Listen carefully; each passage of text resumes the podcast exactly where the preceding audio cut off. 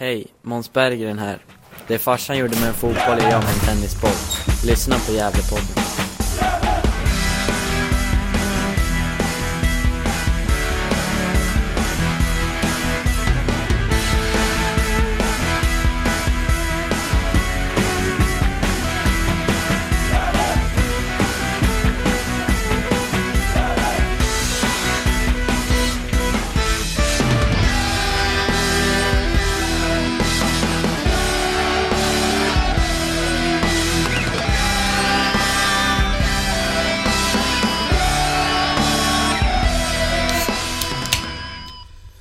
Ja, då hälsar vi alla lyssnare varmt välkomna till Gärdepodden 264 i ordningen. Idag är det jag, Niklas Backlund, som sitter vid rodret som vanligt och så är det Johan Norrström med på länk från Sätra. Hur är läget?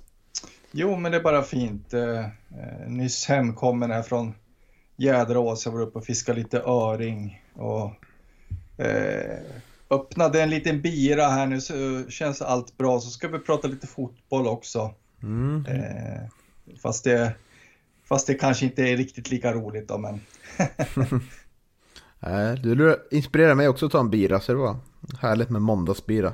ja, men det är väl skönt. En vardagsbira, det, det är alltid gott. Mm, visst är det det. Och eh, ja, vi ska ju prata om matchen i lördags mot Hammarby TFF och så ska vi prata om Umeå-matchen, men den kommer väl jag prata med Pontus mest tänker jag. Ja, men det blir ju så. eh, Jag är ju tyvärr upptagen med, med arbete imorgon. Man måste ju jobba emellanåt också, så eh, då får du helt enkelt eh, prata upp matchen mot Umeå tillsammans med, med trevliga Pontus Andersson. Precis. ja, division 1 eh, expert i, ut i tåspetsarna verkligen Pontus. Visst är det så. Men innan vi kommer in på matchen mot Hammarby TFF och eh, intervjuerna jag gjorde efter matchen så tycker jag vi ska passa på att nämna att vi är ju sponsrade nu av Bro Burger Bar, eller hur? Ja, precis. Detta fantastiskt trevliga hamburgerhak som eh, jag tycker gör stans bästa hamburgare. Och det säger jag inte bara för att de sponsrar oss nu, utan eh, eh jag tycker det, det är klart det bästa stället i hela stan om man ska äta hamburgare. Absolut, och det är ju inte en kedja utan, ja, nej det är ingen kedja. Men man har ju en foodtruck och man har en, en restaurang där på Drottninggatan 21. Så man har, finns ju på fler ställen kan man säga.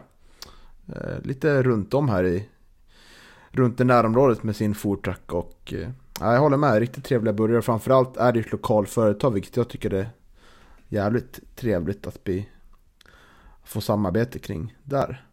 Ja, verkligen. Jag tyckte att det var så otroligt trevligt eh, under den tiden när de hade det här eh, foodtrucksen uppe på, på Strömvallen, då under Superettan-tiden. Eh, då brukade Bro Burger stå där och det var allt så trevligt liksom att, att få köpa en bira och, eh, och vet du, äta en hamburgare innan matcher där. Det var väldigt trevligt tycker jag.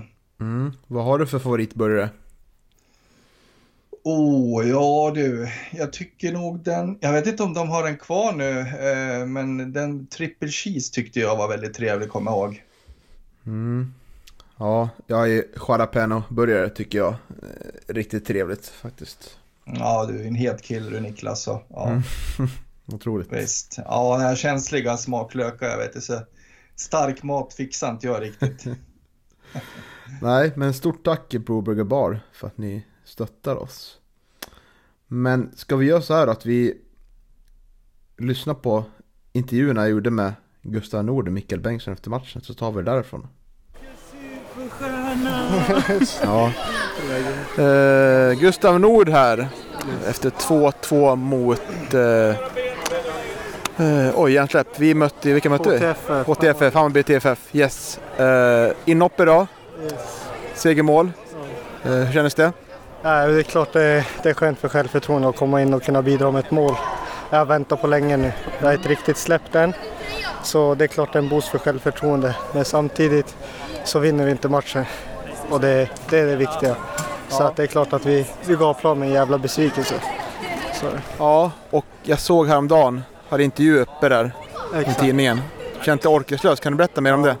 Nej, men jag har väl varit på, på sjukhus och tagit lite prover och sådär. Eh, det har varit yr och känt att jag domnar i kroppen lite och så. Haft en, en längre period och det visar sig att jag har låga blodvärden. Vilket kan betyda att jag har järnbrist eller att jag är gluten utan att veta och lite sådana där grejer. Eh, så det, det har varit tufft och, och bara egentligen ta sig upp i sängen. Men även träningar kan jag bli trött efter en uppvärmning liksom. Så att det är något som inte är som det ska. Det har påverkat ganska mycket din tid hittills i klubben kan jag säga. Absolut, och även i, även i Varberg så, så har det varit samma sak. Sen har det blivit sämre med tiden. Eh, så att det är någonting jag måste få, få reda på vad det är för fel och fixa det. Så att man kan kunna prestera på, på sin bästa nivå igen. Och ta oss igenom matchen idag då. Varför, du sitter ju på bänken. Mm. Varför ser du ut som du gör, tycker du, under första halvlek? Ja, men Jag tycker att jag tycker det är ganska likt många andra matcher jag varit med i. Där vi, där vi för spelet och flyttar på dem sådär. Sen så är det ju det är individuella misstag eh, de gör mål på. Liksom. Det är kontringar där de kommer fyra mot två, fyra mot tre och sånt där. Som, som det ska inte få hända liksom. Utöver det så tycker jag det är ganska stabilt liksom. Även i andra halvlek så känns det inte som att de har speciellt mycket och det är vi som trycker på. Eh, så att vi måste slippa bort de där, de där misstagen och så för att kunna vinna matcher igen. Och eh, ja, när tror du att du är frisk nog att starta match då? Ja, alltså, frisk nog. Det är svårt att säga. Jag menar, hade jag blivit satt på, i startelvan idag så hade jag ju spelat. Sen hade jag inte kanske varit på min bästa nivå liksom, som jag önskar och orkar lika mycket som jag önskar. Eh, men jag tror att jag får svar på måndag om vad det kan vara. Om det är järnbrist eller vad det kan vara. Och utöver det så kanske det blir järntabletter och sådana där saker. Det får vi se vad som händer. Så det är svårt att säga, men jag känner mig redo när jag får chans. Och vi spelar ju mer trebacklinje idag, 3-5-2. Eh, lite mer ja, inner offensiv roll när du kommer in där. Passar det bättre tycker du än, än det Gävle spelade innan? Alltså egentligen blir det ingen jättestor skillnad på min position. Det är ju liksom att vi är ju, vi är ju egentligen inåtgående eh, vänsteryttrar jag spelar oftast. Och det är ju eh, det är samma sak när vi spelar med fyrbackslinje. Eh, så att det, jag trivs bra med det. Jag kan stå brett och jag kan komma in. Så att jag, jag trivs bra med båda. Grymt. Tack för din tid. Tack så jättemycket.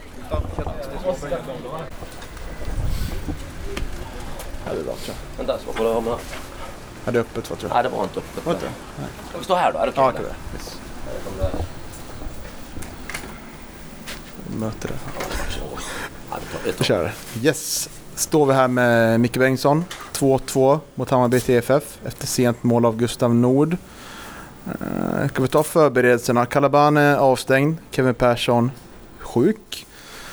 Uh, var det anledningen till att han inte startade förra veckan? Vi börjar där. Var ju på bänken då första gången på ganska länge. Eller var det något annat bakom den? Nej, Kevin tänker du eller? Ja, Kevin. Ja, nej, nej, nej. Tanken var egentligen att vi skulle rotera spelare hela den veckan och Kevin är den som har gått jättehårt. Så vi, vi känner att vi, vi började flytta. Han skulle starta mot Sandviken på onsdagen och starta idag egentligen. Så det handlade mycket med, eller handlade bara om att, att rotera spelare på belastning. Och eh, som sagt, sjuk idag Kevin hela veckan. Calabana avstängd. Eh, trebackslinje idag. Var det anledningen därför? Det var något annat du hade i åtanke där? Eh, nja, både ja och nej skulle jag säga. Jag skulle säga att vi, ja återigen, vi- visste att de skulle spela också ett 3-4-3 eh, och vi kände att vi ville eh, göra en spegelmatch mot dem. Eh, dels på grund av att vi tycker att vi, det, det de vill få ut av sitt spel har vi haft problem att skydda med fyrbacklinjen så därför sa vi att hamnar vi i de lägena och hamnar i en femma där bak så förhoppningsvis kan vi skydda de ytorna som vi hade problem mot Haninge exempelvis. Eh, så tyckte jag vi skyddade de ytorna klart bättre idag eh, än vad vi gjorde på den matchen. Och och, och Hammarby TFF vill ju ha de ytorna också lite grann. Så, att, så det tycker jag ändå vi någonstans vi gör bra. Och det är en anledning varför vi gick på en eh, trebackslinje eh, slash fembackslinje stundtal som, som vi behöver vara. Då. Så, att, eh, så det, det tyckte jag blev bra. Mm. Hamnar underläge 2-0 i halvtid. Vad är det vi gör mindre bra första halvlek? Jag tycker vi gör en bra första halvlek. Jag tycker inte alls vi gör en dålig första. Jag tycker vi gör en riktigt bra. Det är att vi gör två, tre misstag. Riktigt dåliga beslut. Eh, vi tror vi chippar någon boll, vi ska på väg tillbaka. Och, ja, lite dumma beslut eh, och, och vi blir straffade på det på, på en gång egentligen.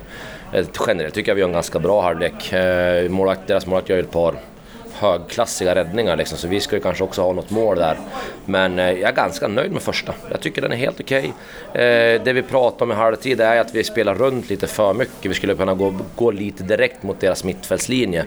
Eh, och att vi skulle kunna våga driva boll mot dem och utmana dem och försöka spela oss förbi på det sättet. Det lyckas vi lite bättre i andra med. Eh, sen blir de såklart väldigt låga i och med att de leder, ligger där de ligger, som vill skydda sitt mål givetvis. Så att, eh, men jag tycker ändå vi, vi gör det bättre andra utifrån det tycker jag. Vi kommer in med bollar, mycket mer bollar i straffområde. Eh, sen är det klart att det är mycket folk men eh, ja, jag tycker vi skapar så pass mycket så att jag tycker att vi absolut ska ha poäng i den här matchen. Till och med vinna. Mm. kommer ju bli en del byten. Mm. Vilken tycker du gör störst skillnad i prestation av de som kommer in?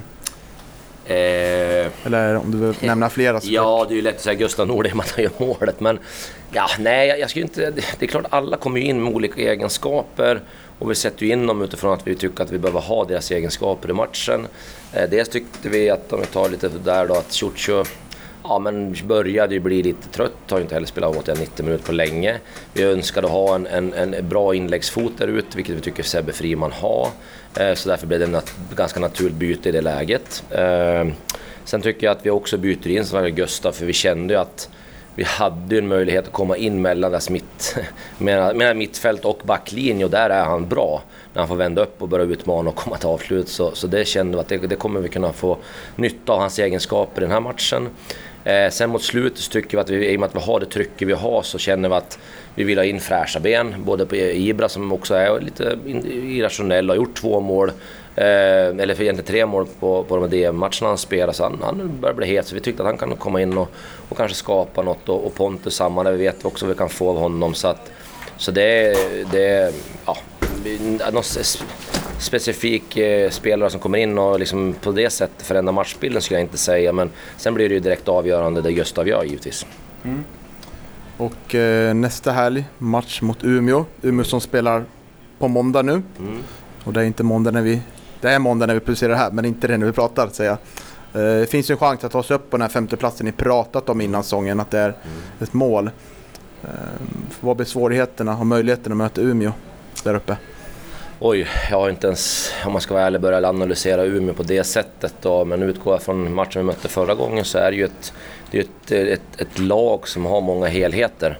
Eh, de är skickliga i sitt defensiva kollektiva spel, de har individuellt skickliga offensiva spelare, spelar ganska liksom, eh, primitivt, rakt, enkelt, med kraft, med, med, med fysik och så vidare.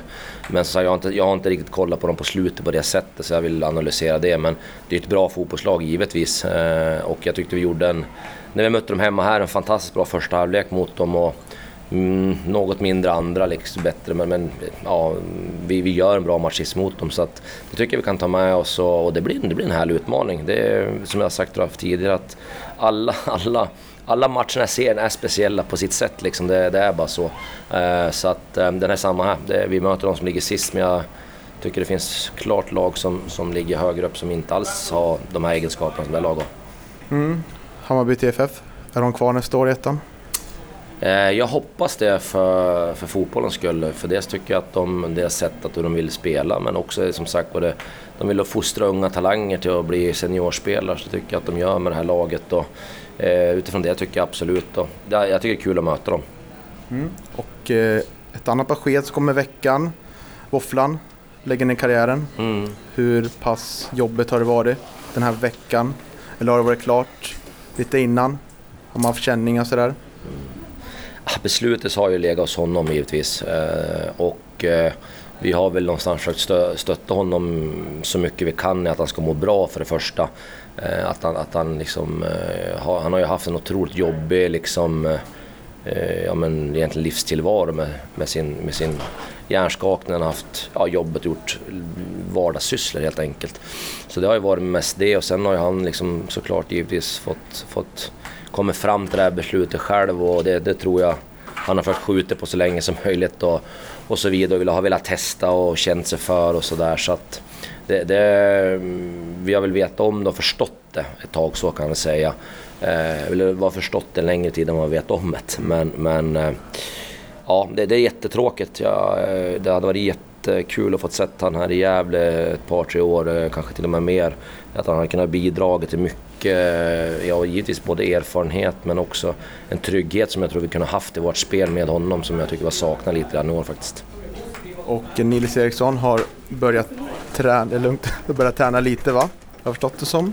Ja, precis. Han, han gick på, på fotbollsträning tänkte jag säga här i förra veckan. Fick lite bakslag så han har väl tagit lite försiktigt men han är på gång och, och börjar träna med laget så att säga. Så, så det, det, känns, det känns bra. Jag har väl fortfarande kanske inte några så här extremt våldsamma förhoppningar på att han ska kanske spela match i år men, men vi får se. Eh, det är lite svårt att säga men, men eh, eh, samma där, jag hoppas att vi får ordning på det här och att han har möjlighet att fortsätta spela fotboll. Mm. Och eh, med våfflan ur laget, kommer du kolla på att ta in någon mittback till eller hur ser du på mittbacksituationen nu under 2021? Ja, vi får ju inte ta in någon då. Så det blir svårt. Har blivit en gratis? Eller får man inte, inte är gratis? På nej, det? nej trans, transferfönstret är stängt så vi, tyvärr så är det ju stopp. Det, det är stängt. Vi, absolut, vi får ta upp egna spelare. Vi får ta upp P19-spelare då. Så det, det, det är en möjlighet lite aktuellt kanske? Eller? Ja, absolut. Och inte bara för att kanske våfflan inte kan fortsätta. Men vi, vi tittar under hösten här vilka, om vi har några som p som vi tycker kan bli intressanta i en förlängning för oss eh, och vidare. Liksom. Plus att ja, det är klart att vi någonstans måste vi börja titta på truppstorleken, antal vilka spelare vi har kvar. Börja titta på ja, deras självsituationer, hur det ser ut för dem. Eh, och börja titta på vad vi ska börja, hur vi ska börja bygga nästa år. Mm. Ja, men, tusen tack. Ja. Det är bra, tack.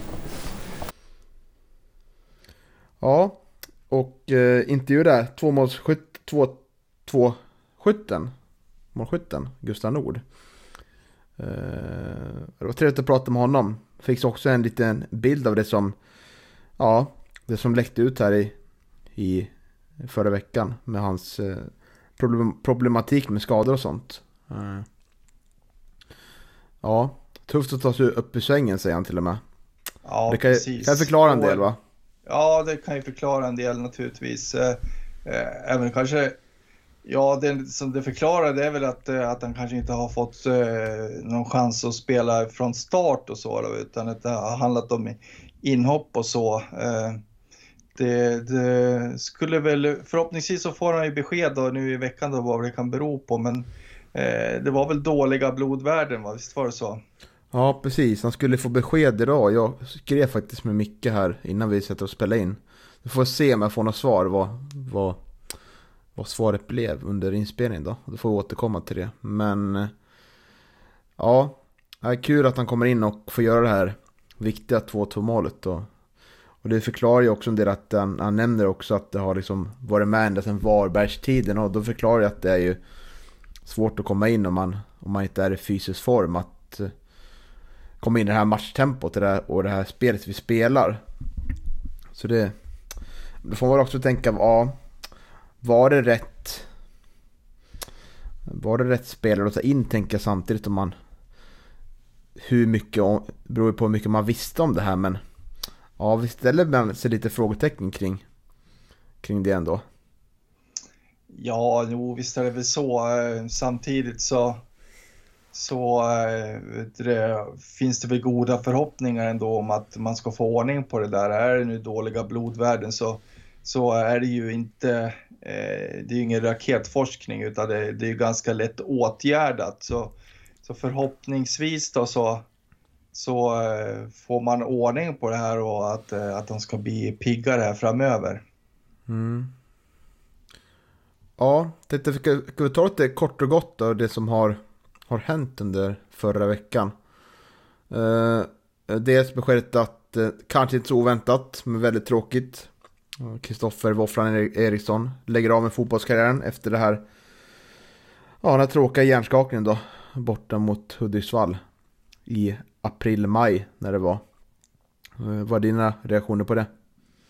Ja, nej absolut inte. Det var ju inte oväntat men naturligtvis oerhört eh, tråkigt. Eh, eh, han har ju en historik med, med hjärnskakningar sedan tidigare också, så det, det var ju inte hans första hjärnskakning. Och, eh, alltså, när det börjar bli tre, fyra stycken hjärnskakningar så, så, eh, så vet du det, ja, nej, det är helt rätt, tycker jag. Det är rätt beslut liksom att, att eh, tacka för sig. Eh, för att eh, det, det är inte kul med hjärnskakningar där inte.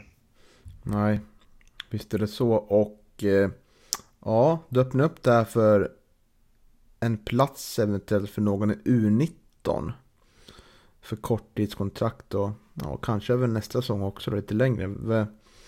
Tror du att det blir en möjlighet som man kollat på aktivt? Ja, alltså det är ju det är svårt att säga då. Det, det ska ju vara, det, det är väl egentligen i backlinjen då det skulle behövas någon förstärkning i så fall och då, då är det ju frågan, eh, finns det någon i U19 som är, är tillräckligt bra för att gå in och, och eh, konkurrera med plats i backlinjen? Eh, det är väl kanske lite tveksamt.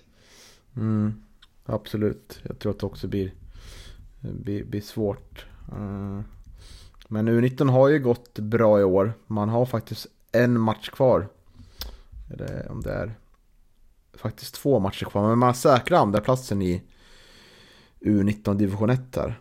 Och man har faktiskt eh, seriefinal mot IFK Stocksund på söndag klockan ett på Galovallen. Som jag är lite småsugen att kolla på. Eh, alltså det, det är ett spännande lag tycker jag. Vårt U19 nu som Mehmet har fått bra ordning på tycker jag. Mm. Har jag haft några år tillsammans med de här killarna också eh, Mehmet liksom har, har ju haft de här, här killarna ett, ett antal år nu och eh, det, det, tror jag också är en bidragande orsak till, till, att, eh, till framgångarna. Eh, man var ju, många av spelarna var ju egentligen för unga för att spela U19 här för, för två år sedan och vet du, man fick en hel del stryk eh, mot de här Stockholmslagen. Och, eh, men men som, som Mehmet har varit inne på i intervju så, så, så har det varit oerhört lärorikt för, för de här spelarna och det är väl kanske någonting som vi ser resultatet av nu då. Mm. Och så hade vi en DM-final som inte vart så het som man trodde på förhand. Eller ja, jag sa ju att jag trodde att Sandviken skulle mönstra en del eh, reservspelare. Jag trodde väl kanske inte att det skulle bli så många som det vart nu. Nu vart det ju rent av ett U19-lag för Sandviken och ett eh, ja, vår, vår reservbänk kan man säga. Eh, jag vet inte hur mycket vi, vi vill lyfta kring den här DM-finalen men det är alltid skönt att vinna mot Sandviken tycker jag och eh, det var ju klasskillnad på tempot. Ja, absolut så var det. Eh, det var väl en bra genomkörare för Sandvikens U19-lag och ja, precis, det var väl en inte särskilt het DM-final, det var det inte. Eh, Otroligt mycket missar från vår del. Ja, otroligt många. Al-Hassan hade väl säkert, eh, ja han gjorde ju ett mål men han hade väl bud på tre, fyra till. Eh, eh, och ja, det var åtminstone två stycken som jag tycker han skulle ha gjort mål på. Så att, ja, otroligt bra insats av Sandvikens målvakt. Ja, absolut. Och eh, Eh, Friman var inte heller så skarp i avslutningslägen och Sutso inte heller. Så man vill ju, när det kom 2-0 där så var man lite inne på fan nu vill man ju ha en, en 10-0 här minst liksom. Tvåsiffrigt men sen kom man ju på att eh, fotboll är inte så enkelt att bara kötta på utan man såg att vi slog av på takten ganska mycket efter 2-0 målet då. Ja, nästan bjöd in Sandviken i matchen. Ja, jo det vart ju så. Det var varit lite onödigt eh, kladdande nerifrån eh, eh, i backlinjen som vanligt och eh, Sandviken lyckades faktiskt pressa fast Gävle vid ett par tillfällen där. Men det, det, är väl som du säger att man slår av lite på takten, man eh, miste lite av den där skärpan som man hade i början av matchen. Mm. Ja, ska vi ta oss till seriematchen då? Etta norra mot Hammarby TFF i helgen. Ja, just det. Ja, lite mer trevligare kanske att prata om den, eller?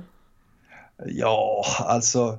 Eh, jag håller ju kanske, kanske inte riktigt med Micke om att man, man gör en bra första halvlek. Jag tycker den var så pass dålig så att jag ska erkänna att jag gick hem. det, det, jag var chockad när jag såg det där. Skickade på Messenger att du gick hem. Ja, det, det är faktiskt första gången jag går så där tidigt.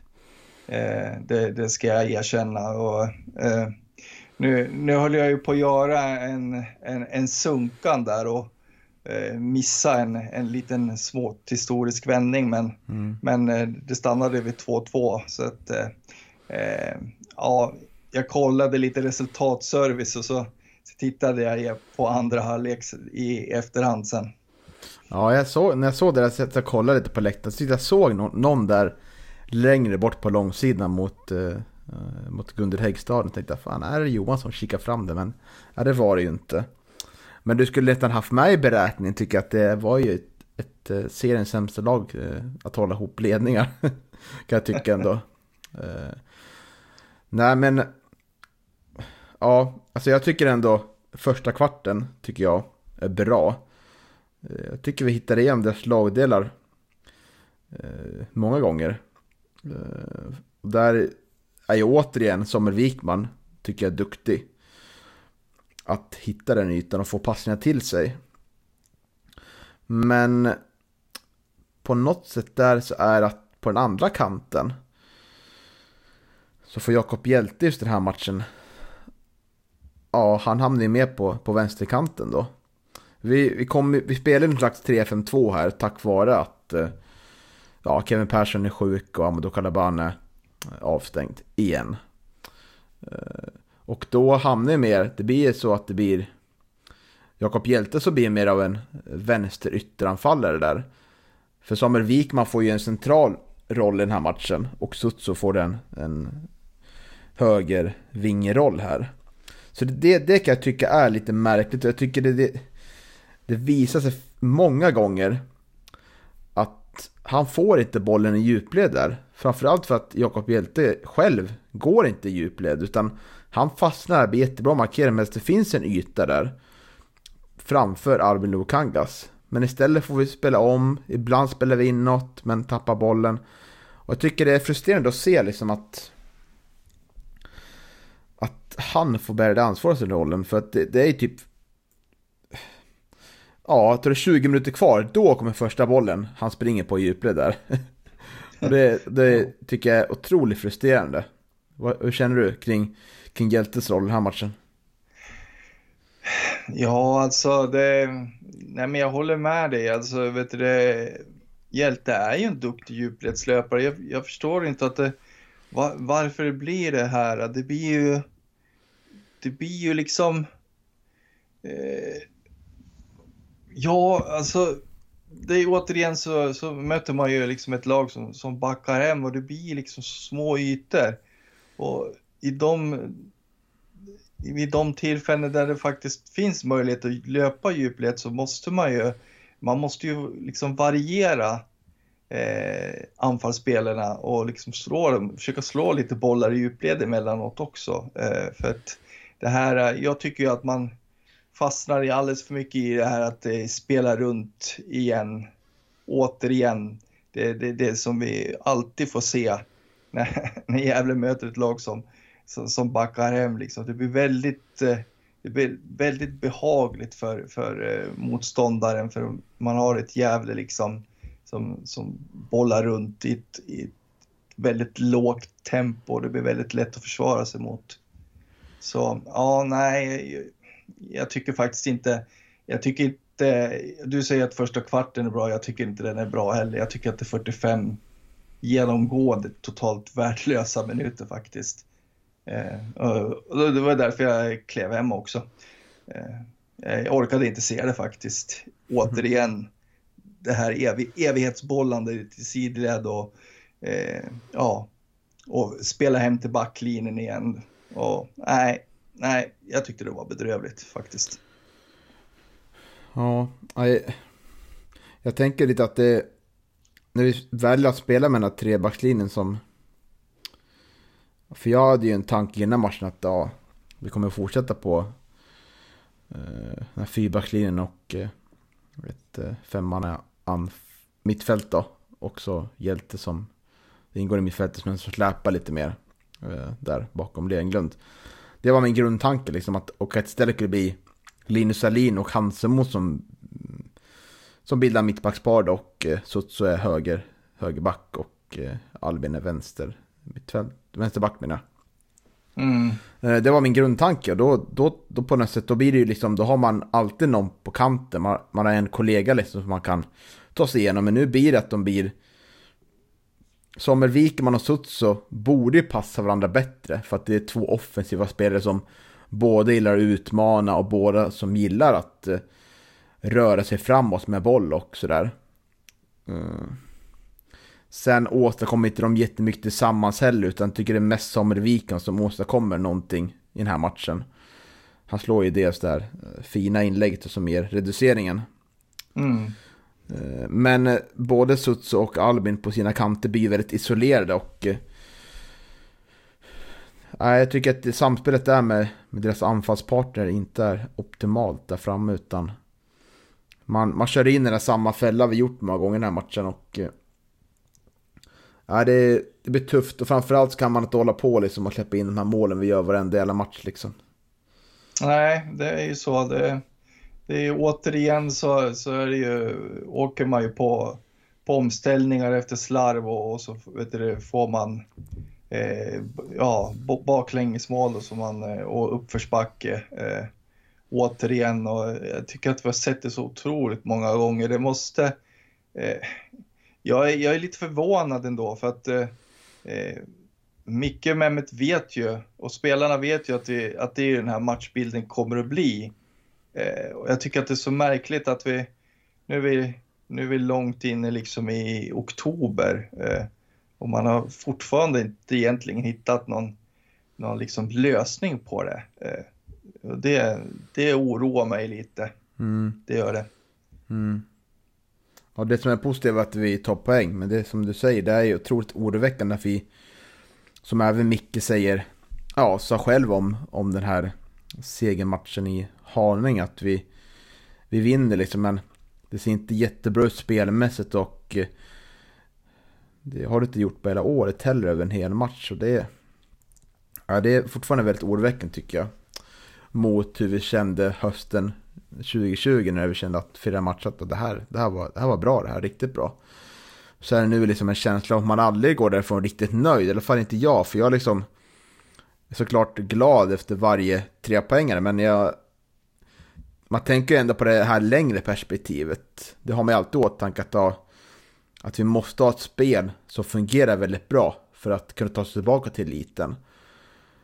Och då tänker man efter ja, en vinst borta mot, eh, mot Luleå eller borta mot Haninge. Att fan det här såg inte riktigt bra ut. Vi släpper in mycket mål och vi vinner till slut men det är mycket som inte stämmer och så är det ju den här matchen också att det är mycket tveksamhet kring den sista tredjedelen. Hur ska vi lösa upp det här försvaret? För alla står typ markerade.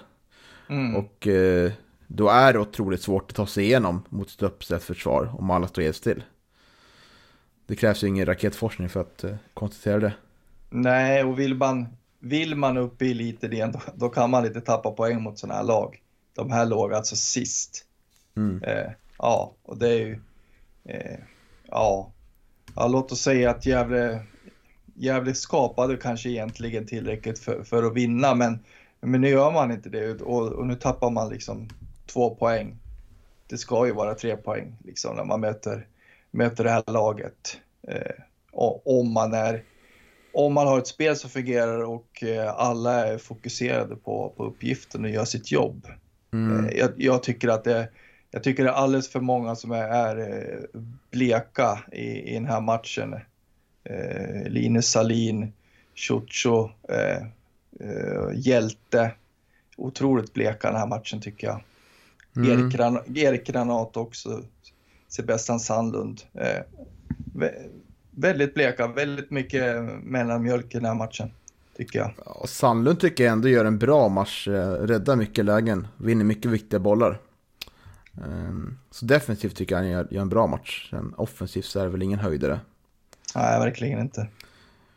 Nej, men det går väl också att väga in det här det här ständiga liksom tjatet om expected goals. Eh, jag tänker att den här matchen så ligger ju vi eh, betydligt högre än Hammarby TFF, men så har vi gjort i många matcher. Det kommer ut en statistik för något tag sedan vad Gärde skulle ligga va? På det där. Om det var ja, just det. Ja, jag minns Kommer du ihåg? riktigt. Nej. Nej, det var, det var väl... man låg rätt högt i alla fall. Det Ja. man. Precis. Men om man tar den här matchen liksom, målen vi gör, eh, jättebra prestationer av oss liksom. Eh, och lägena vi missar, eh, ja, det borde kanske varit mål. Men det, det är ju Granat, eh, chippar ju över den där. Och eh, Lou Englund missar en, nickläge som, eh, och kanske borde gjort bättre. Eh, men eh, de har ju tre målchanser den här matchen, eh, Hammarby TFF. Och två, eller alla tre lägen så är det vi som ger dem lägena. De får ju komma jättebra lägen i kontringar liksom. Mm. Och då, då, behöv, då, är det, då behöver man inte så mycket skicklighet för att göra mål liksom. Då behöver man bara vara eh, distinkt i sina avslut och placera dem rätt. Och, eh, vi får ju liksom, i målen vi gör så får ju vi liksom, kämpa oss till de här lägena liksom. Det är inga omställningslägen utan det är ju, eh, det är ju, det är mot, eh, mot 11 försvarsspelare, 10 blir det. Om man inte räknar målvakten då. Mm. Som är uppställda liksom. Så det tycker jag ändå säger en del. Ja, det är väl så. Det, och det är ju, det skvallrar väl om att man är inte riktigt 100% fokuserad. Det, det är därav slarverna, ja, slarvet kommer så att säga. Det är ju att man inte, man är inte 100% fokuserad på, på sina uppgifter och det man ska göra på plan. Utan, utan eh, ja, nej, men det blir slarvigt emellanåt. Mm. Sen har vi en där på Emin Gadzor 24 minuten. Uh, Oskar Karlsson kommer in och får spela en obekväm roll som, som mittback då. Uh, sköter det väl helt okej, tycker jag. Vad kan man säga? Ja, absolut. Det, det, det, det gör han ju. Och det, det fanns ju inte så många alternativ på bänken heller, utan det var ju, det var ju mycket spelare mer offensiva, eh, som har offensiva kvaliteter. Så, så ja, det var ju bara Oskar egentligen. Det var det enda alternativet som fanns. Mm. Jag känner att ändå vi borde prata lite om målen vi släpper in. Vi pratar mycket om varför vi inte skapar lägen, men jag tycker vi ändå bör landa i varför vi släpper in de här målen som vi gör. Och om vi tar 0 målet då, 17 minuten, så är det ju det är slarv på mittplan och Emil Gadzo kommer in sent i en situation, vilket gör att Eh, spelaren får komma med bollen i hög fart. Och eh, sen blir ju Theodor Hansson lite lurad där av när han tror att han kan skjuta, men han vänder ju om. Och sen skjuter den här Hammarby TF-spelaren skottet till Markström, räddar ut den. Jag tycker att det är svårt att lasta honom för att det är jävligt hårt skott liksom. Eh, så jag tycker inte man kan göra det. Men det känns där som de andra två i straffområdet som, som är Linus Alin och så är det väl Sutsu tror jag. De blir väldigt mycket bolltittande. Och glömmer bort att det finns en Hammarby TFF-spelare där som tar returen i mål. Och det är lite, lite synonymt tycker jag det är med vårt försvar med den här säsongen. Det är många som blir alldeles för mycket bolltittande just i straffområdet. Och nu har jag ingen statistik att backa det på, men det känns som många av våra mål vi släpper in kommer just innanför straffområdet utan... Eh, eller att det är inspel där liksom, så de, de skadar oss att... Eh, ja, Nej, men jag håller med. Vi, vi har ju sett det förut. Eh, det är ju eh, Piteå borta. Eh, var ju också den känslan av att eh, man blir alldeles för passiv. Man blir, man blir bolltittare. Man, eh, man blir bolltittare istället för att agera liksom. Och, vet du, och även Örebro, Örebro Syrianska hemma är också en sån match när man åker på sådana där mål när man blir, blir alldeles för, för passiv inne i sitt eget straffområde. Eh, det är lite märkligt. Mm. Och tvåan där, 40 minuten, är ju en nick som Sebbe Sandlund inte får undan utan Sen skjuter han ju väldigt fint skott där, Theodor Johansson i HTFF som gör att det blir 2-0 så Ja Ja det är väl också slarvigt att kunna få undan den liksom, inte vinna andra bollen där Kan jag tycka Mm. Ja, precis. Ja Sen finns det väl lite frågetecken kring kanske domarinsatsen då. Vi brukar inte klaga så mycket på domaren, men det kan ju vara skönt att göra det också ibland va? Ja, jo. Vet du vilken precis. situation jag tänker på här?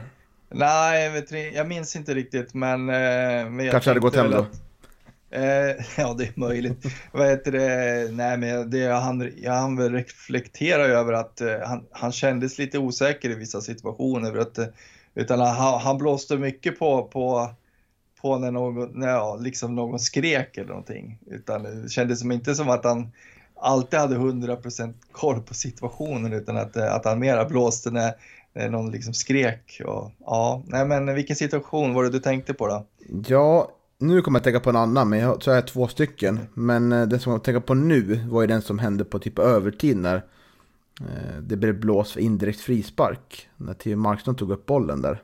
Kommer du ihåg det? Ja, just det, ja, just den. Ja, ja, Som, eh, jag tror, den touchade väl någon spelare va? I, ja, ja precis. Eh, Så domaren var ju klok nog att kolla med linjedomaren där, som hade koll på det. Eh, Så det var ju nära att bli katastrof där, men det kändes ju jävligt ostabilt. Men den situationen jag tänkte på var väl när Samuel Wikman blev fälld utanför straffområdet i 34 minuten. Eh, Det kändes, nu har jag inte kollat matchen efter, men det kändes som att det skulle kunna varit frispark va? Ja, absolut. Eh, det, den, den var väl ganska, eh, ganska vet du, det, uppenbar och det, det märktes väl liksom på, på, på Samuel också liksom som, som eh, blir ganska upprörd att han inte får frispark där. Mm, alltså var de två. Eh, Ska vi ta våra mål då? Ja, Jag tycker vi ska hylla dels Samuel Wikman som har ju vuxit fram som en favorit hos oss i podden nu va? Ja, men det lär man väl ändå säga. Det, han, eh, eh, ja, nej, han är otroligt duktig. Det, det är ju bara så. Det, det är ju som sagt ingen, ingen tillfällighet att han eh, har fått, fått ett A-lagskontrakt eh, i Sirius. Och det är ju ett fint inlägg där för reduceringsmålet. Men framförallt tycker jag att Lou Englund får ju otroligt lång tid på sig där. Och då är det ju svårt att tänka på vad ska jag göra. Men lyckas du skarva den här ganska långsamt precis i rätt hörn. Och, eh, han visar nu att han är, ju- han är faktiskt på väg att nå, nå dina 14 mål va? Som du trodde. Ja, 13 tror jag jag tippar. 13 till och med. Mm. Ja. Ja, nej, men det är bara hoppas eh, så man eh, får, eh, man får rätt någon gång. Det är otroligt svårt, eh, svår, svåra bollar det där också för, eh, för målvakterna när, när, när det blir en touch sådär. eh, Och så blir det dessutom en studs. Mm. Så ja, det är otroligt fint placerat där i bortre hörnet. Så det är jättefint inlägg och, och, och smart av Leo också liksom att förlänga den bort mot bortre stolpen där. Så ja, otroligt fint mål faktiskt. Mm. Och sen går det en period som jag tycker att vi, vi är inte riktigt nära att, eh, att få in 2-2 målet ändå. Eh, eh, men vi har den här viktiga nyckelräddningen på kontringen i 78 minuten som, som kommer av Tim Markström med en jättefin räddning där. Det hade verkligen kunnat vara en god natt. Och kanske tänder den laget lite för det kommer ju ett väldigt fint 2-2 mål där av Gustav Nord när han knorrar in skottet och eh, som viker sig in där. Eh, som han säger själv. Eh, jag tror, att det är väldigt skönt för honom. Att göra det här målet och visa att han är här. Här på allvar. Så är det ju absolut. Otroligt skönt för honom. och motiverande naturligtvis efter liksom att haft den här äh, sjukdomsperioden också när man, och när han har varit lite osäker på, på vad det kan vara och sådär så, så är det ju naturligtvis skönt att få, få göra ett mål. Eh, för det är väl liksom, det är väl naturligtvis hans ambition är väl att eh, komma till Gävle och få så mycket speltid som möjligt. Mm. Och visst skulle man väl se han och Samuel Wikman från start när, när Gustav är frisk. va? För att det är inte många som tar, Ta chansen på, ja vad kan man säga, eh, bredvid Jakob och Leo där framme. Hur man vill uttrycka det på, eller högermittfältsplatsen i alla fall. I en del av offensiva trion. Eh, det är ingen som tar den platsen tycker jag. Nu har både Pontus Jonsson och Sutso fått förtroende här och eh, eh, Friman också många matcher. Men det är liksom ingen som verkligen tar den här platsen. Så det... Nej, det tycker jag är tråkigt att det liksom... Eh, så har ju vi haft stora förväntningar på i, i våra samtal här i podden. Men ja, jag tycker han har gjort bleka insatser nu. Ja, jo, det är ju så. Det är väl som vi har sagt så många gånger förr. Det, det är ju skador och sjukdomar som ställer till det för, för Ciuccio och eh, det är svårt att eh, var, prestera på 100 procent när man inte, eh, när man liksom inte får spela kontinuerligt. Eh, ja, när man får spela mycket eller, och när man inte kan träna så att eh ja, det är otroligt synd. Mm. Och eh, något som jag uppmärksammar var ju det här som de skrev på vårt svenska fansforum att det är lite tjafs efter slutsignalen. Såg du det? Nej, det gjorde jag ju inte för jag var ju inte där. Nej, jag la inte märke till det under matchen utan jag la märke till det eh, på highlights-paketet man kan kolla på. I see, I see. Det är ju Pontus Jonsson dock längre som tjafsar efter slutsignalen och eh, Uh, kommer inte ihåg situationen i sig, den går nog att kolla på. Men i slutet är det ett läge där jag tror Leo passar till Pontus och han tycker Pontus ska skjuta men han tar inte avslutet tror jag. Nu får ni gärna rätta mig fel och eh, då blir det lite tjafs om det efter slutsignal. Och det kan jag bara tycka är bra, att det liksom finns, finns liksom en, eh, en ambitionsnivå i det hela liksom. Man vågar, vågar liksom säga till varandra och det är heta känslor liksom. Eh, nu antar jag att man inte sa dra åt helvete utan man sa sa liksom det är på en professionell nivå kanske hetlerat istället. Och eh, då är det, visar det bara bra att man vill liksom vinna till varje pris. Så. Jag tror säkert att de är vänner nu på träningen efteråt. Konstigt får det vara annars. Jag tycker ja. det var uppfriskande att se faktiskt.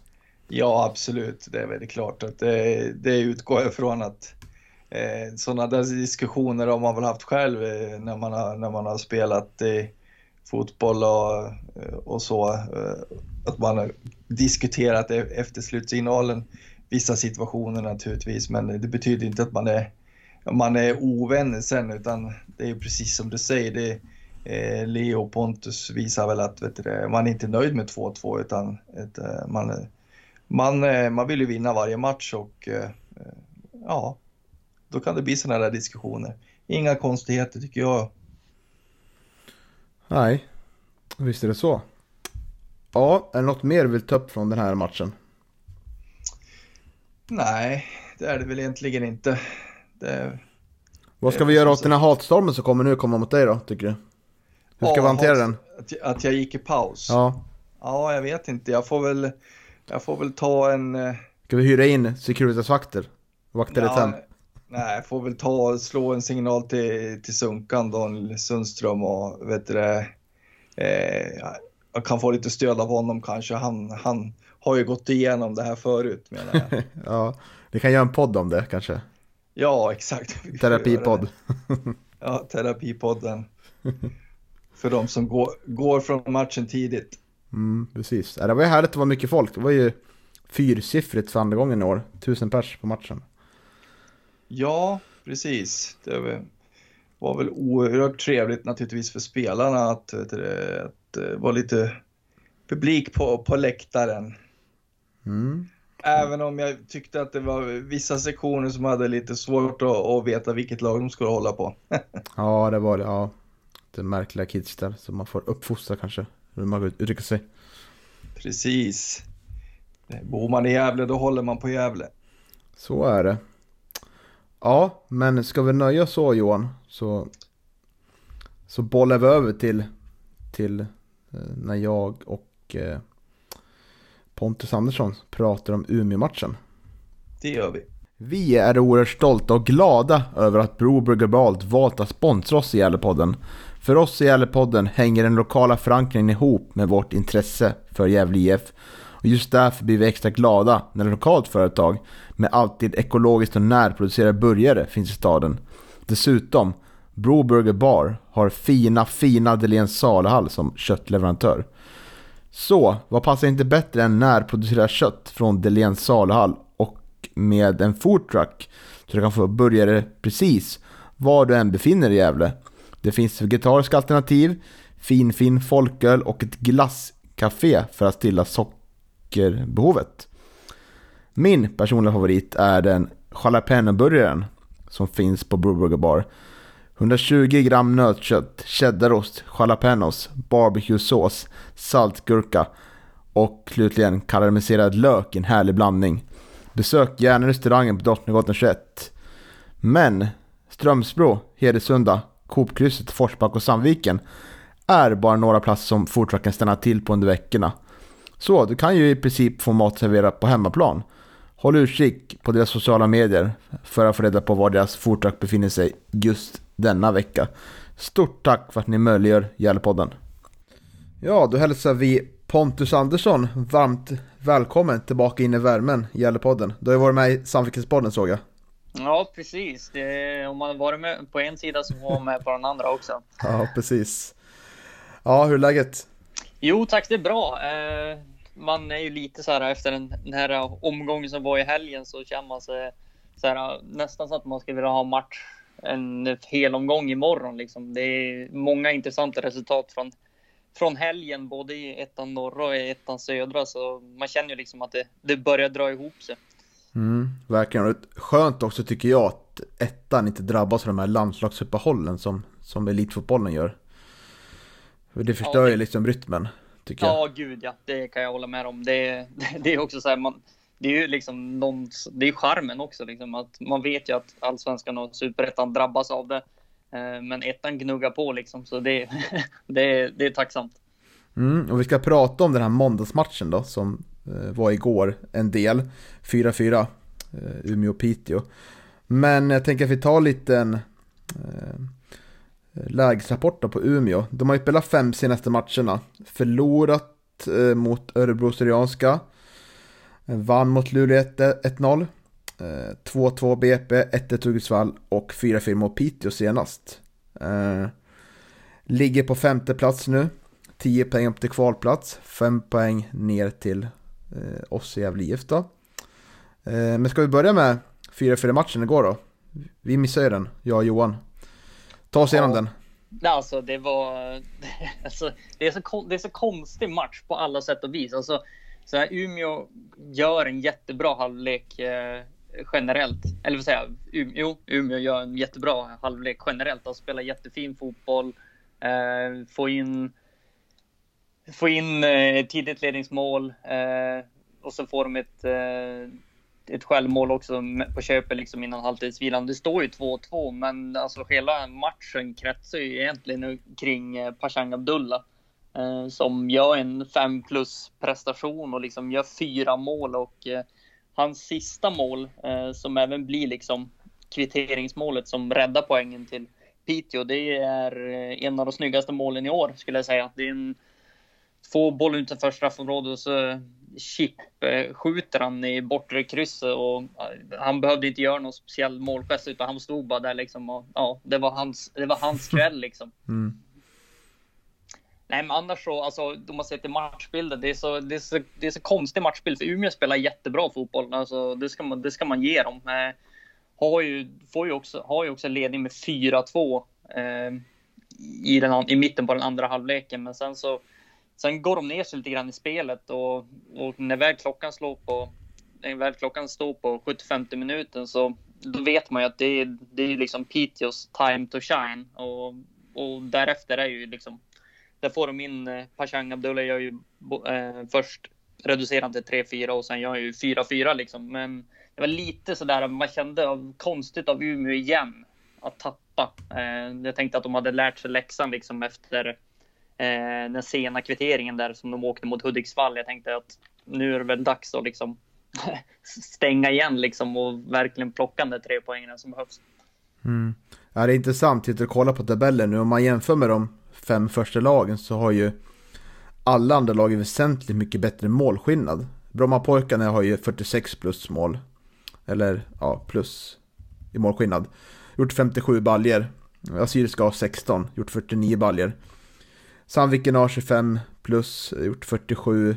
Karlstad också 47, 19 plus mål. Medan Umeå har bara 6 stycken. De har gjort 38 mål. Man har släppt in 32 också, så det förklarar väl en del va?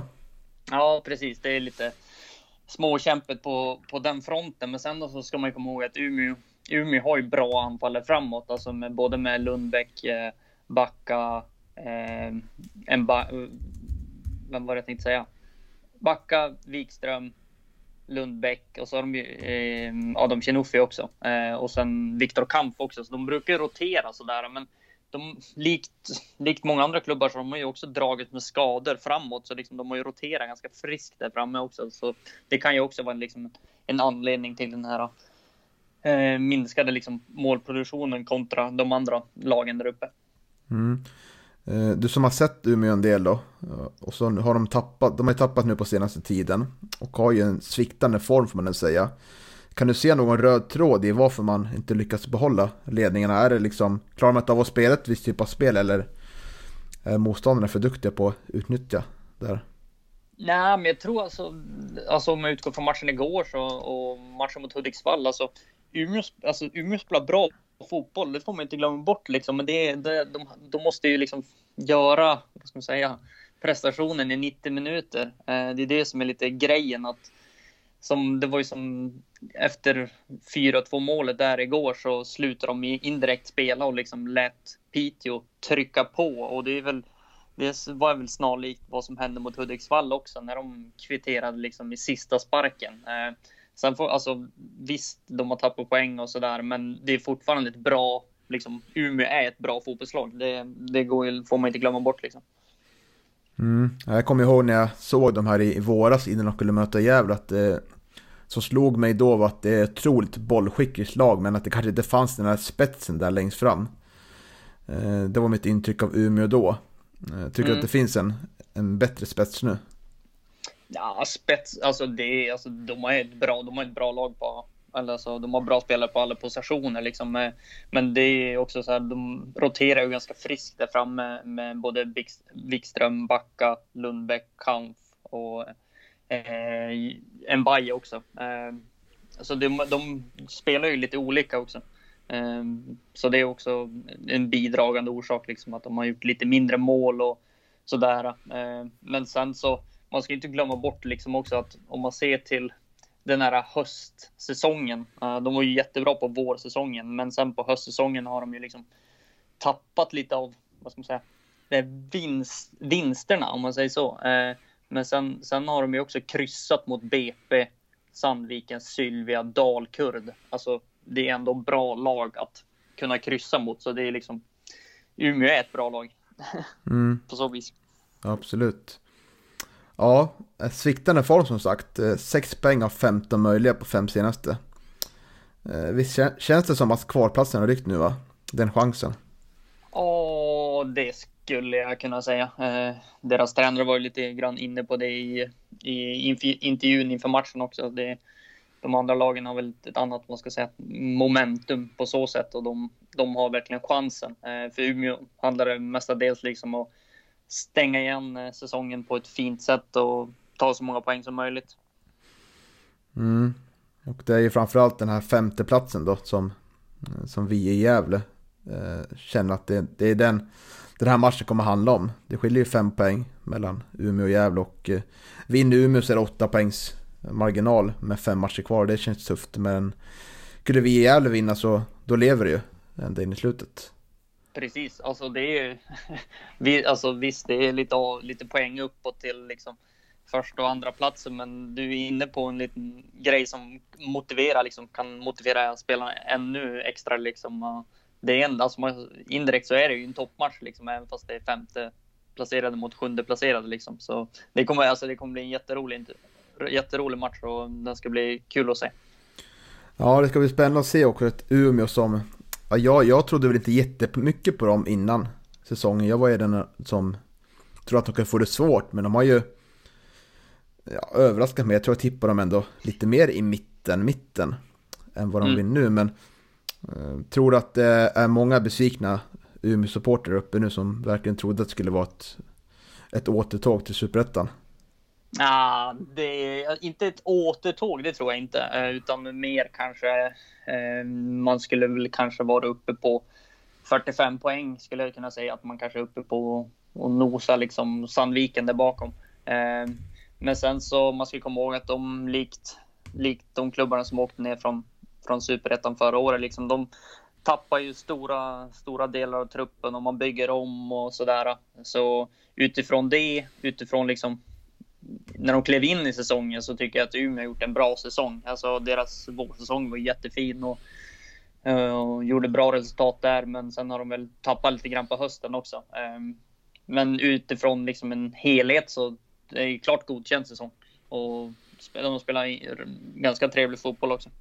Mm. Vilka tycker du har överraskat då? Både positivt och negativt i laget? Ehm, jag tycker att en spelare som kanske en, en av de mest underskattade i ettan norra, det skulle, då är det ju Linus Marklund eh, som spelade i Team TG förra året som Umeå FC plockade över. Eh, det är en spelare som jag tycker har verkligen gjort det väldigt bra i Umeå. Alltså, nu har väl, han spelar väl på, till, vän, till vänster, eller på vänsteryttern, men förra säsongen var han mittback, så han är ganska mångsidig på så sätt. Men jag tycker att han har tagit verkligen, han, han var bra förra året, eh, men i år har han varit bra, bra liksom. Eh, men sen så, man får ju typ mittbackslåset där med Hamza och eh, Orokoyo, eller Arokoyo har, har varit bra, så det, de har varit liksom roliga att se och sen Umeå också, de har ju haft eh, många spel, alltså deras trupp består ju av många spelare från Umeå och de har ju plockat upp många från deras akademilag också, så det är, de har gett chansen till många också. Eh, men om man ska ta ut någon spelare som verkligen har stuckit ut så är det ju eh, Emanuel Jeboa på mitten. Eh, jag tycker han har varit outstanding, en, en, en av de bättre mittfältarna i, i eh, ettan norra i år. Mm, han var ju med i din startelva när vi sammanfattade halvtid va? Precis, han var en, en av de spelarna som jag tycker liksom har varit bra under våren. Sen, sen, med, liksom, sen med hösten och laget liksom, så har han väl gått ner sig lite. Men jag tycker att han har, han har helt klart varit liksom, bäst i eh, Umeå på så sätt. Spelmässigt i alla fall. Mm. Och om Gävle IF ska matcha honom då på lördag, vem ska man sätta eh, i, och spegla honom då tycker du? Är det Erik Granat, är det Sandlund eller Kalaban eller Oskar Karlsson möjligen? Mm, jag skulle nog sätta eh, Sandlund. det hade varit en ganska intressant liksom, fight på mitt. De, de är ju lite, ska, vad ska man säga, de påminner lite grann om, om varandra, liksom, just att de är ganska fysiska, och, men ändå en helt, eh, helt okej okay, liksom, passningsfot på så sätt. Eh, men sen så det, det, allt beror på också vad eh, Englund och Eh, Hjältes pressspel skulle jag kunna säga. Eh, som de spelade, som Umeå spelade mot Piteå så, så sjönk väl eh, eh, både Abdullah och Fredrik Johansson lite längre ner i banan och både Jeboa och eh, Stefan Lindmark, Lindmark fick eh, komma ner och plocka upp bollen och liksom fick fördela ut den som de brukar göra. Eh, och det är väl det är väl inte kanske den rätta melodin mot Umeå på så sätt. Eh, de skapar ju liksom mycket chanser genom, genom dem och det är de som fördelar bollarna. All right. Ja, ska vi gå över lite till Gävle IF då? Det var ett tag sedan du var med i podden nu. Det var väl en, två månader ja. sedan va? Kanske? Stäm, stämmer. Eh, vad är din syn på Gävle IF då? Sen du var med senast. Vad har hänt? Eh, jag skulle kunna säga att det varit ganska upp och ner. vissa matcher mm. har varit bra, vissa, vissa matcher har varit mindre bra, men det är väl ganska det är väl lite så säsongen har varit för Gävle IF. Eh, som helhet liksom. Alltså vissa matcher, som mot BP så gör man en jättebra match medan, medan en annan match har man inte varit lika bra. Men eh, vad ska man säga, nu på slutet tycker jag ändå att just, just BP-segern, eh, segern över Brommapojkarna var ju viktig, samma med Haninge-segern där och jag tycker väl att, vad ska man säga, kryssmatchen senast mot Hammarby så jag tycker man spelade helt okej okay i första halvlek och, och tycker jag det var lite enkla mål som Hammarby fick göra på Gävle på så sätt. Ehm, så det blev ju en kamp mot klockan på slu- alltså i andra halvlek och liksom att verkligen, eh, verkligen gå för eh, och kvittera och till slut lyckas man ju också. Ehm, men just mm, det är, jag tycker Gävle var det svåranalyserade året. Det var väldigt upp, upp och ner i resultaten, men det, är lite, det påminner väl kanske lite grann om förra säsongen när man avslutade säsongen starkt också. Liksom. Ehm, Ehm, det handlar väl mest om att komma liksom så högt upp som möjligt. Mm. Absolut, och någon som har fångat oss eh, det är ju den här inlånade spelaren från Sirius, Samuel Wikman. Har du också lagt märke till honom? Ja, lite grann de matcherna som jag har mm. sett med Gävle. Jag har ju sett, jag missade Haninge-matchen där, men jag såg Hammarby senast och så såg jag Brommapojkar-matchen också. Eh, men jag tycker han såg intressant ut. Eh, tycker han passar bra in i liksom Gävle IFs spelsätt och han är teknisk spelare liksom, så man, det, var, det var kul att se honom. Mm, absolut. Uh, ja, jag tänker ändå att vi måste landa lite kring Pashang Abdullah.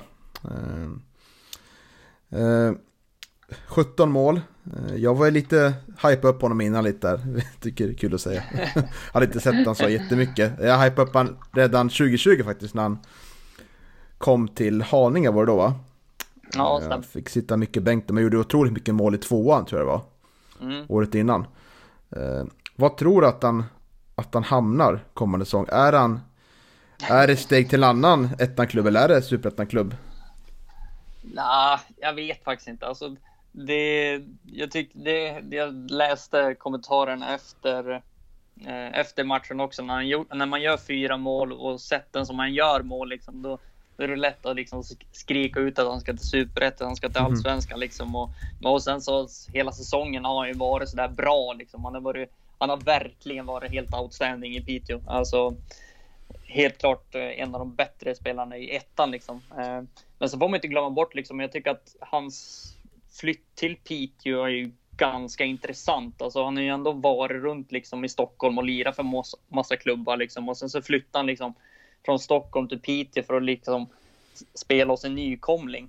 Eh, och sen så när han får landa i det uppe i Piteå får liksom jobba med det han ska jobba med ute på planen och sådär. Och han verkar ju trivas jättebra i Piteå också. Då, då levererar han också. Ehm, så jag, ja, det ska bli spännande att se liksom vad som händer med honom efter säsongen.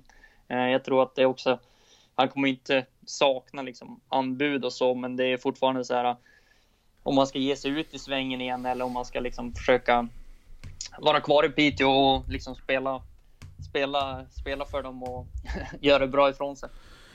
Ja, det känns som att det är en spelare som passar in i ett visst spelsätt. Att det inte är en spelare som eh, kan passa in i vilket lag som helst. Nej, du, jag tycker du ringer in det ganska bra där, för det man tittar ju ganska mycket på honom, vad han gör framåt liksom också, men eh, han har lite grann att jobba i liksom defensiven och eh, dels i pressspelet liksom, men det tror jag också att när man, är, när man gör så pass bra framåt så har man kanske råd att fuska lite grann bakåt liksom. Men det är ju lite grann hur Piteå är också, så de är ju väldigt starka bakåt och då ja, Visst, man vill ju att alla spelare ska jobba hårt liksom, men om man bidrar så där mycket framåt som man gör så kanske man kan fuska lite grann liksom. Men, men det är väl en, en, en, vad ska jag säga, någonting han kan jobba på liksom. Men det han gör framåt, det är ju, ja, det är otroligt. Mm, absolut, ja det ska bli spännande. Ja, och så har Lee Englund kommit igång med målskörden. Står på nio baljer nu. Eh, tror du att det kommer bara fortsätta rulla på nu mot Umeå? Ja, det ska bli faktiskt spännande att se och när han kommer att få stångas där mot både Hamza och eh, Arakoyo. Eh, det är väl de två mittbackarna som kanske är mest fysiska i ettan norra. Eh, så det ska bli kul att se liksom. Men också för Leos skull att det är ju roligt för honom och liksom att han har kommit igång med målskytte. För det är ju liksom en notorisk eh, målskytt på så vis. Och det är väl, man hade väl kanske förväntningarna på honom inför den här säsongen var att kanske han skulle ligga på 15 plus mål just i det här läget liksom. Men sen får man inte glömma bort att förra året hade han väl någon, någon månad där han verkligen öste in mål för, för Sandviken också. Um, så det, ja, han, jag tycker ändå nio mål hittills och ändå ett par matcher kvar så jag, han kan nog komma upp i 15 mål tror jag. Mm, absolut. Ja, det ska bli otroligt spännande att ta sig upp till Umeå och se, se oss möta Umeå.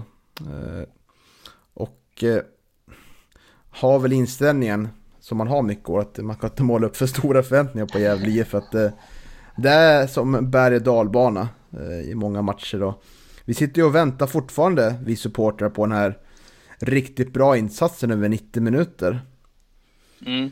Eh, tror att, eh, att, vi har ju sett att vi har ju bättre spel. Vi har spelat bra mot Dalkurd hemma, spelat bra mot BP hemma, vi har vunnit mot BP borta, har vunnit mot Sandviken hemma. Så vi har ju liksom tagit skalper, fick ett 2-2 mot Umeå hemma också.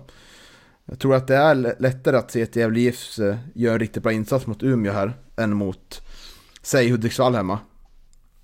Eh, ja, jag tror att, ja, bra fråga. Alltså det är svårt att säga på förhand liksom, men jag tror alltså det, det, det är två bra lag liksom som möts och det är två jämnbördiga lag om man ser liksom till eh, truppkvaliteterna. Sen har man ju olika spelsätt eh, när man vill vara eh, possession för, alltså man vill äga bollinnehav i ena laget och den andra är kanske lite rakare i spelet liksom.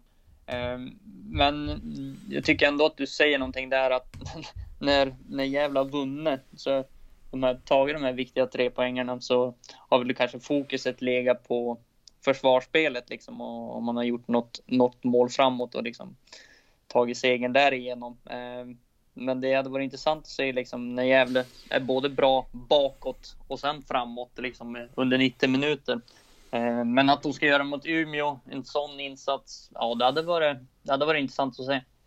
Mm, på något sätt känner jag att det är lite upp till hur Umeå tar sig an matchen. Om Umeå kommer upp och pressar högt så brukar vi ha lite lättare att uh, spela oss ur press ibland och röra oss bättre när vi blir tvingade till det. För när, när våra motståndare ligger och backar hem då har vi otroligt uh, svårt att uh, ja, få kreativitet i vårt anfall och få allt att flytta ihop till ett, till bra anfallsspel. Så jag känner att det är lite upp till, till Umeå faktiskt. Såklart mm. till oss också men ja. Det är ganska intressant det där. För vissa det är lite som med Lindom i ettan södra och Gävle IF i norra. Eh, när man spelar mot lag som är liksom spelförande på det sättet att de verkligen vill kontrollera liksom bollinnehavet. Eh, vissa lag pressar högt mot dem, andra lag backar hem. Eh, så just på så sätt ska det bli spännande att se hur, hur eh, Umeå kommer att göra. Eh, till den här matchen så är både Jens Stigedal och eh, Marklund tillbaka eh, på vänsterkanten. Båda missade ju matchen mot Piteå. Eh, sen samtidigt så är det ju Isak Abrahamsson och Usama Ali som är avstängda till den här matchen. Ehm, så det, det, ska bli spännande att se hur Umeå kommer liksom matcha Gävle IF på så sätt i, i spelet. För jag tycker ändå att den matchen som de gjorde mot Piteå, ehm, jag tycker att den utifrån liksom spelmässigt så gör de en bra prestation, men sen får de väl kanske inte resultaten med sig. Eh, så det ska bli spännande att se hur de kommer liksom, hur de kommer spegla mot Gävle IF på det sättet. Mm, ja, otroligt spännande. Jag tänker att vi ska börja runda av vårt trevliga snack, men jag vill passa på att eh, nämna att vi är sponsrade av Brew Burger Bar, så Häng gärna på och ta en burgare där på Drottninggatan eller på deras foodtruck på sociala medier. Är du en hamburgerkille, Pontus? jo, det är klart. Det är, Oj. Mm. Det, är, det är klart man är. Eh, hur ser den perfekta hamburgaren ut? Eh, alltså jag är ganska klassisk med bara burgare, ost och lite sallad. Eh, så länge det ska vara ett bra kött liksom. Det är det, det, är det mm. viktiga. Härligt. Alright, har du några avslutande ord? Nej, men det jag tycker att eh, med ett par omgångar kvar av säsongen så det är ändå skönt att ettan lever, lever och levererar. Eh, det är både spännande både i toppen och i, i botten, både i norra och södra. Så det ska bli väldigt kul de här kommande veckorna och se hur, hur allting kommer att sluta. Mm. Kommer du kommentera några mer matcher? Vi får se, vi får se. Det, det beror på lite grann hur, hur det, vad ska man säga, det här dagliga arbetet kommer att liksom fortlöpa och så vidare. Eh, men vi får se hur, hur det kommer att se ut i de sista omgångarna. Mm, får hojta till om du är på plats på Galevallen. Får vi slänga några ord. Absolut. Ja, tusen tack Pontus. Tack själv.